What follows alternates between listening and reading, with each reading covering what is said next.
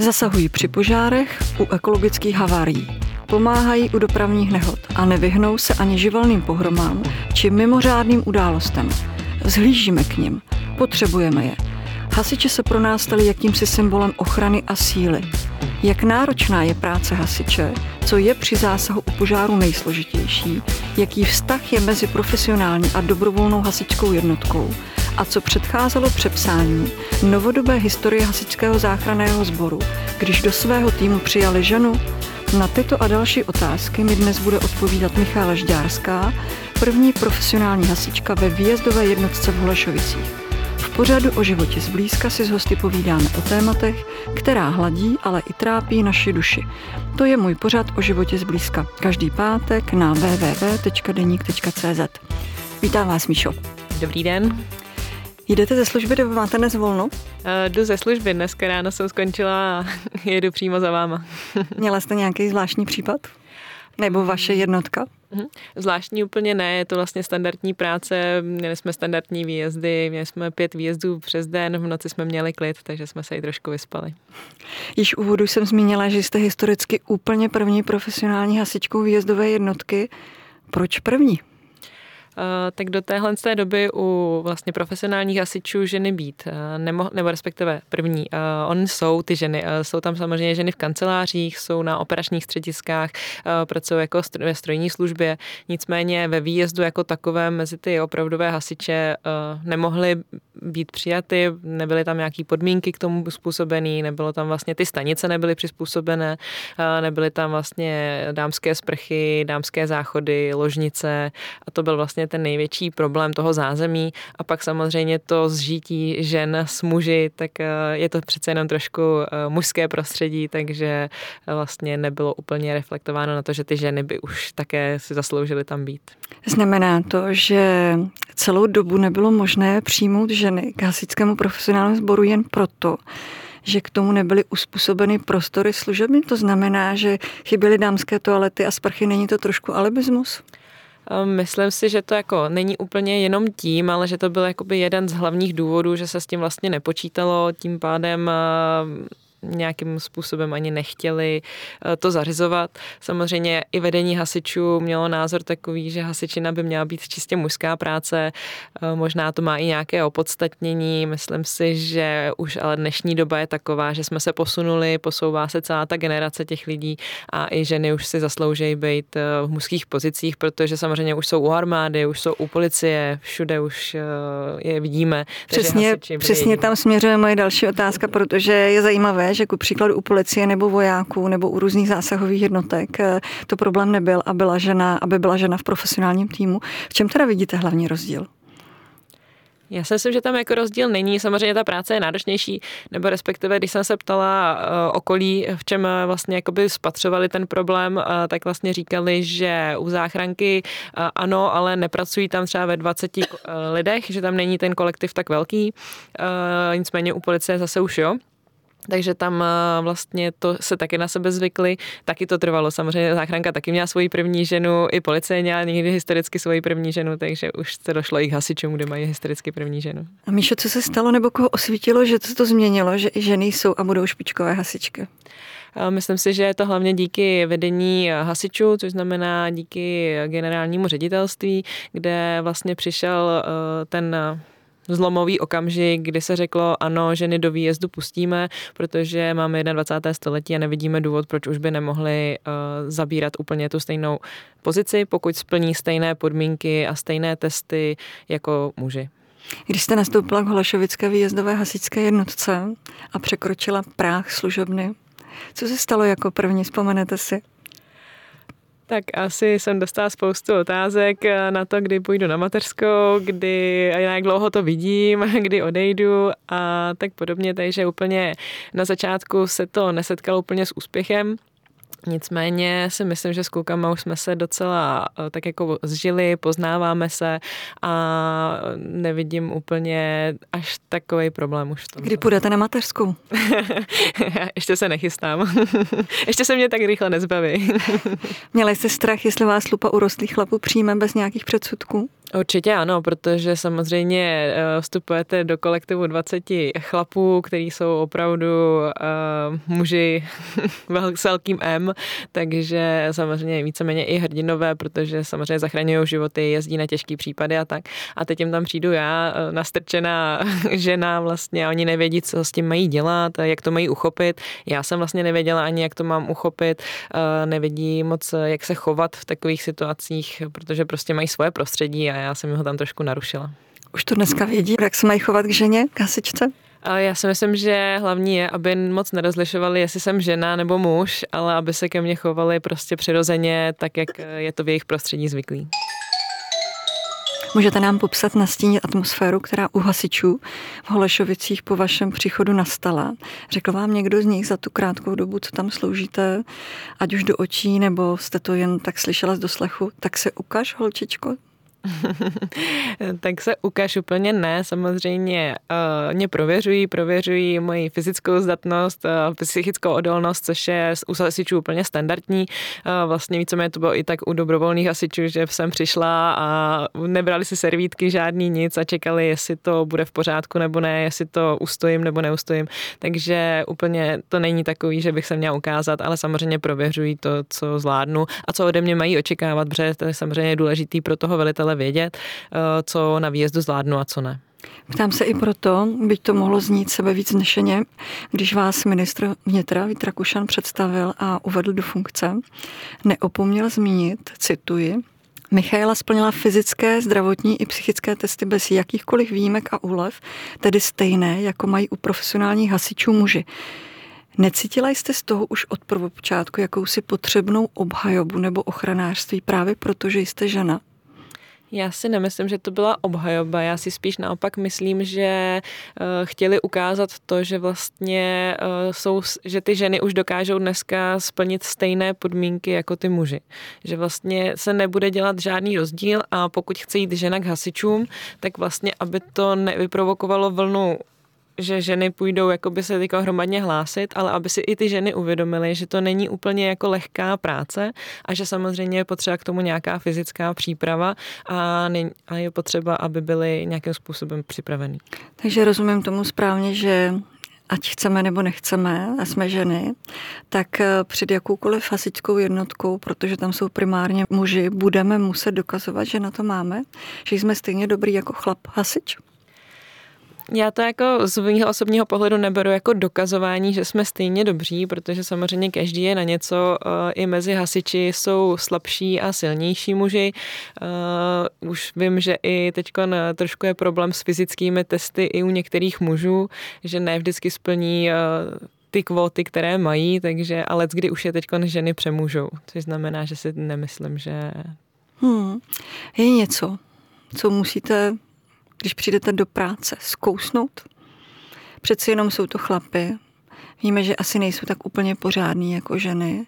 Nemůže i tohle třeba chlapům vadit, že přijdete a v kuchyňce tam zavádíte třeba nějaký uklidový věci nebo Takže jiný. Tady Takový to... pro nás typicky ženský uh, pocity, když přijdeme, tak chlap si po sebe neuklidí ani ponožky, nechá je ležet na zemi. Čeká, že třeba sami odpochodují. to musím říct, že tady eh, na stanici určitě není, vzhledem tomu, že jsou zavedeny i úklidové práce, což znamená součástí směny. Každé směny je rozdělení úklidu eh, všech prostor. Každý hasič má nastavený svůj vlastní rajon, kde si musí po sobě uklízet, takže tam nehrozí to, že by tam nechali někdy něco válet. Eh, znám hasičskou jednotku v Podkrkonoší, mezi nimi mám svých pár přátel a když s těma klukama jsem, tak eh, občas nejdu pro hrubé slovo nebo prosté slovo daleko. Jak to je u vás na hasičárně? Tak samozřejmě občas... Zjemnila jste to tam? občas tam nějaké to hrubé slovo padne, uh, nicméně já jsem k tomuhle z tomu jako naprosto přizpůsobivá nebo benevolentní. Uh, každý ať se mluví tak, jak potřebuje. Někdy je potřeba prostě upustit páru a zařvat si na sebe. Uh, ono to možná i vyčistí. Ty chlapy to přece jenom tak mezi sebou mají, že to vyčistí o tu atmosféru. Na druhou stranu jsem ráda, že se zařve, prostě ty lidi si tam jako to vyříkají a jde se dál prostě, aniž by se v tom babrali nějaký delší čas. Hmm, jakým výcvikem nebo přípravou si musí člověk projít, aby se mohl vůbec stát profesionálním hasičem nebo hasičkou? Tak samozřejmě musí uh, teď nevím, jak je to úplně myšleno, nicméně, aby mohl být profesionálním hasičem, tak musí na nástupní kurz, eh, který vlastně trvá nějakých 12 týdnů, kde se učí všechno od základu, od eh, házení hadic, vlastně hašení požáru, všech postupů, všech technických zásahů a tak dále. Dá se tam naučit i to, když eh, hasiči přijedou jako první k nehodě, která od prvního pohledu je zřejmá, že bude vážná. Eh, dokáže se člověk po tomhle těm 12 týdenním výcviku vyrovnat i s důsledky nebo z následky toho, co vidí? Eh, tam samozřejmě vlastně jakoby na tom nástupním kurzu je to jako cvičný vždycky, takže se tam nacvičí nějaké postupy, eh, nacvičí tam nějaká technika toho zásahu, eh, kdo vlastně co má za roli u toho zásahu, každý má přidělenou svoji práci. Psychická stránka potom samozřejmě už je věc jiná, protože reálný zásah je reálný zásah a cvičení je pořád cvičení. Nicméně cvičí se to tak, aby bylo vlastně těžko na cvičišti, lehko na bojišti, což znamená co nejvíc to přizpůsobit tomu reálnému zásahu. Po tom momentě, kdy se stane vlastně ta dopravní nehoda, tak hasič by samozřejmě měl první řadě myslet na to, že zachraňuje životy a pokud se stane něco tragického, samozřejmě pokud dojde k úmrtí, tak je potom dobrý si eh, potom promluvit s kolegama. Eh, může se promluvit i s psychologem, je tam poskytnutá psychologická pomoc a vlastně přejít to jít dál. Za tu krátkou dobu, co působíte tady na Pražské hasičské výjezdové jednotce, už jste měla výjezd touto Holešovickou výjezdovou zásahovou jednotkou? Byla jste u něčeho nehezkého? Výjezd, už jsem pár absolvovala výjezdu, nicméně ještě nebylo nic tragického, co by mě nějak zasáhlo. Uh-huh, uh-huh. Řekněte mi ještě, Míšo, jak je to s oblečením, když vlastně se vrátím na začátek, e, nebyly záchodky, nebyly toalet, nebyly, nebyly sprchy dámské, e, museli kvůli vám šít speciální kombinézu, nebo tady ne, to bylo ne, v pohodě? Eh, tady to bylo v pohodě, protože samozřejmě zásahový oblek je univerzální, je eh, unisexový, jak by se dalo říct. Mm. Takže tam samozřejmě akorát šlo o menší velikost, ale dnešní době, jak říkám, no, ty kluci už jsou v podstatě některý na stej, stejně vysoký, stejně široký, takže tam v tom mm. není žádný rozdíl. Dobře, a můžete nám prozradit, kolik třeba váží plnohodnotná výstroj, když jedete na výjezd? Mm-hmm, plnohodnotná. Tam se protože mě samozřejmě zajímá to porovnání toho, ta mužská a ženská práce, nebo ten element toho mužství a ženství, co všechno musíte zvládnout jako ty silní chlapy. Mm-hmm. Tak vlastně plná zásahová zbroj se eh, čítá okolo 20 kg, eh, vlastně i s lahví na zádech, uh-huh. takže 20 kg navíc. No. To je dost, to vyžaduje, předpokládám, docela slušný trénink. Určitě jo, určitě je to potřeba, hlavně je potřeba si zvyknout na tu zásahovou zbroj, protože přece jenom ty, ta obuv je pevná, je vysoká, samozřejmě kabát i kalhoty jsou e, z nomexové vrstvy, takže jsou neprodyšný, takže je potřeba se na to trošku zvyknout. Hmm. Moje sestra je u dobrovolných hasičů a říkala, že nejlepší a zároveň nejtěžší trénink pro hasiče je TFA. Hmm. Prosím vás, co to je za disciplínu, Míšo? to vlastně v překladu nejtvrdší hasič přežije. Eh, běhá se to, nebo respektive to disciplína uh, hasičského sportu. Uh, běhá se vlastně tak v plné, záchran, v plné zásahové zbroji. Je to něco jako Spartan pro hasiče, já říkám. Jsou tam překážky a je vlastně mělo by to simulovat výcvik výjezdu. Mm-hmm. To znamená, je tam nějaký motání hadic, rozhazování hadic, je tam tlučení do hammerboxu a překážky různý, tahání břemen, přenos břemene, tahání figuríny, samozřejmě simulace záchrany osob a tak dále. Tahání figuríny znamená to, když říkáte simulace osob, tak eh, běžně průměrná vážící osoba při zásahu může mít třeba kolem 75 kg. Mm-hmm. Taháte 75 kg? Uh, tahá se i 80 kilová figurína. A je tato soutěž rozdělená podle pohlaví nebo mají všichni stejné podmínky? Mm-hmm. Tahle ta soutěž se rozděluje podle pohlaví vlastně nebo respektive v České republice je rozdělena podle pohlaví. Eh, v Čechách mají ženy úlevy trošku, mají tam eh, ty ehm, překážky lehce eh, lehčí o trošku, vzhledem k tomu, že to ne vždycky dělají profesionální ženy nebo profesionální hasičky, jsou to většinou dobrovolné nebo i dorostenky nebo případně to, takže se to upravuje podle toho, aby vlastně ta zátěž pro to tělo nebyla taková. Je váš cíl získat titul Železné lady? Určitě by to bylo hezký, nicméně ještě asi nejsem na takový úrovni a nemám úplně tolik natrénováno, abych byla železná lady, to asi přenechám za tím jiným holkám. Kromě tréninku železného hasiče, co vás posouvá dál ve výkonech? Mm-hmm tak eh, ráda běhám a chodím do posilovny, je potřeba vlastně tahle ta fyzička je potřeba udržet dlouhodobě, není to tak, eh, že bych si nacvičila věci na fyzické testy a mohla jít pryč, to samozřejmě ne, takže každý, to znamená každý den alespoň trošku vyběhnout, eh, něco si naposilovat a něco si zacvičit. Než jste nastoupila k profesionální výjezdové jednotce, byla jste u dobrovolních hasičů v Dolních Měcholupech. Jaký je rozdíl mezi profesionální jednotkou a dobrovolnou jednotkou? Zažila jste někdy nebo pocítila, jak dobrovolná, jako dobrovolná hasička jakési povyšování od těch profesionálních? Tak rozdíl je tam hlavní, který je největší, asi znatelný, je, že dobrovolní hasiči to dělají samozřejmě zadarmo a profesionální, že jsou za to placení. To si myslím, že je jeden z největších rozdílů. Eh, jinak eh, zásahy jsou téměř totožné, protože samozřejmě i dobrovolní hasiči jezdí na dopravní nehody, jezdí na požáry, jezdí na technické zásahy, otvírání bytu. Takže co se týče odbornosti nebo respektive týčetnosti těch zásahů samozřejmě, eh, tak je to stejné, nebo té náplně. Nicméně samozřejmě profesionální profesionální hasiči těch výjezdů mají o mnoho víc a vlastně mají větší zápřah v tomhle. Hmm. Mišo, vystudovala jste cestovní ruch. Mm-hmm. to je, řekla bych, od hasičů na míle vzdálené. Řekněte nám, kdy se vám v hlavě zrodila myšlenka stát se hasičkou. Tak eh, cestovní ruch, to je takový to klasický, když se v 15 máte rozhodnout, co chcete jít dělat nebo co budete studovat, tak vlastně to bylo ideální, protože tam nebyla matematika. Teď to vezní trošku blbě, ale uh, to a v momentě, vlastně, kdy jsem nastoupila k dobrovolným hasičům, tak už při nějakým prvním zásahu nebo prvních zásazích se říkáte, tohle to by bylo skvělé dělat prostě profesionálně, věnovat se tomu každý den a věnovat se tomu jako naplno. Byla jste tenkrát taky první dobrovolná hasička v Dolních Měcholupech? Byla, byli jsme dvě v Dolních Měcholupech, když jsem nastoupila, tak tam se mnou byla taky ještě jedna holčina a s okolností taky Míša, ale ta po týdnu nějak eh, se rozhodla, že, uko- že to ukončí, že jí to úplně nevyhovuje v té jednotce, takže jsem jim zůstala jenom já. Takže cestovní ruch jste pověsila na hřebík. Přesně tak. Vzpomenete si na svůj dosavadní nejemočnější a nejnáročnější zážitek při zásahu? Ať už dobrovolným mm. nebo profesionálním týmem. Jo, určitě to musím brát na ty dobrovolný, protože samozřejmě u těch profesionálních tam ještě žádné zkušenosti s tím nemám, zatím jsem jenom takový doplněk na autě. Ale u těch dobrovolných určitě ano, já už jsem několikrát zmiňovala vlastně zásah eh, na ulici Černokostelecká, kde eh, byl požár bytu, bylo to v době covidu a byla tam vlastně narozeninová oslava, bylo tam eh, nějakých 14 zraněných, popálených lidí, bylo tam 6 dětí popálených a, hmm. šest dos, a dalších sedm dospělých.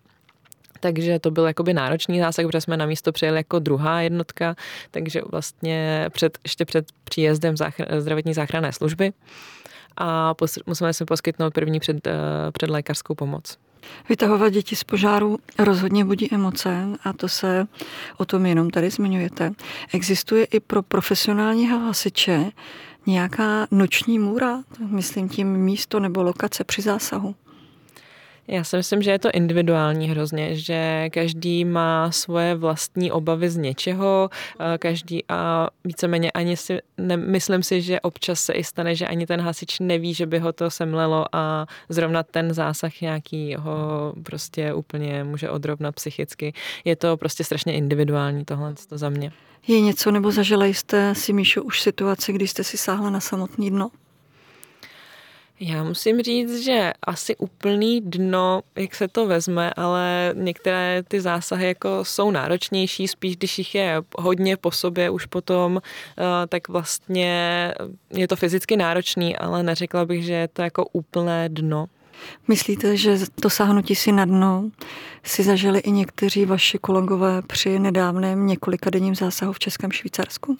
Tam určitě ano, protože to byl jeden ze zásahů, který je tady velmi ojedinělý vlastně, eh, takže tam věřím, že to bylo náročné, věřím, že to střídání bylo fakt eh, intenzivní prostě a že každý ten hasič si tam odvedl svůj kus práce a za to jim patří strašný obdiv. Sledovala jste tuto živelnou pohromu nebo jste byla i přítomna? Sledovala jsem, byli jsme s dobrovolnou jednotkou připraveni i k zásahu. Nakonec naše služby nebyly využity, ale sledovali jsme to a podpora byla jako velmi, velmi velká. Myslíte, že ten zásah proběhl jak měl, nebo jste zaznamenala situaci, kdyby se mohlo udělat něco jinak? Mhm. Tak já jsem samozřejmě na zásahu nebyla, takže nevím, nicméně požár takového rozsahu tady uh, historicky nepamatujeme, takže si myslím, že kluci udělali všechno, co se dalo pro to, aby to bylo co nejdřív uhašené. Míšo, doufáte, že vaším nástupem se stane inspirací i pro další ženy a profesionální hasiček bude přibývat? Já doufám, že ano. Bylo to vlastně jako jeden z, nebo jedna z motivací, proč jsem to dělala, je vlastně otevření dveří eh, ženám k HZS, což znamená, že doufám, že se mi to povedlo a že se budou hlásit další a další a že splní všechny testy tak, jak je potřeba a že nás bude brzo co nejvíc. Míšo, blížíme se k závěru. Hasiči nebo požárnici? Je v tom nějaký rozdíl? Myslím si, že tam není vůbec žádný rozdíl, jenom v nějakém názvosloví, ale historicky to ale jinak ne. Jinak si myslím, že to je úplně to samé. Tolik profesionální hasička Michála Žďárská. Děkuji za vaši návštěvu v pořadu o životě zblízka. Ať se vám nadále, Míšo, daří. A vám, milí posluchači, jen připomenu staré dobré přísloví. Život je jako oheň, na začátku plamen, na konci popel. Mějte se krásně a příjemný poslech na www.denik.cz přeje Bohumila Čiháková. Míšo, děkuji. Díky, naschle. Milí posluchači podcastu o životě zblízka, svoje příběhy, náměty, o čem byste chtěli poslouchat příště, typy nebo rady pište na adresu bohumila.cihákova zavináč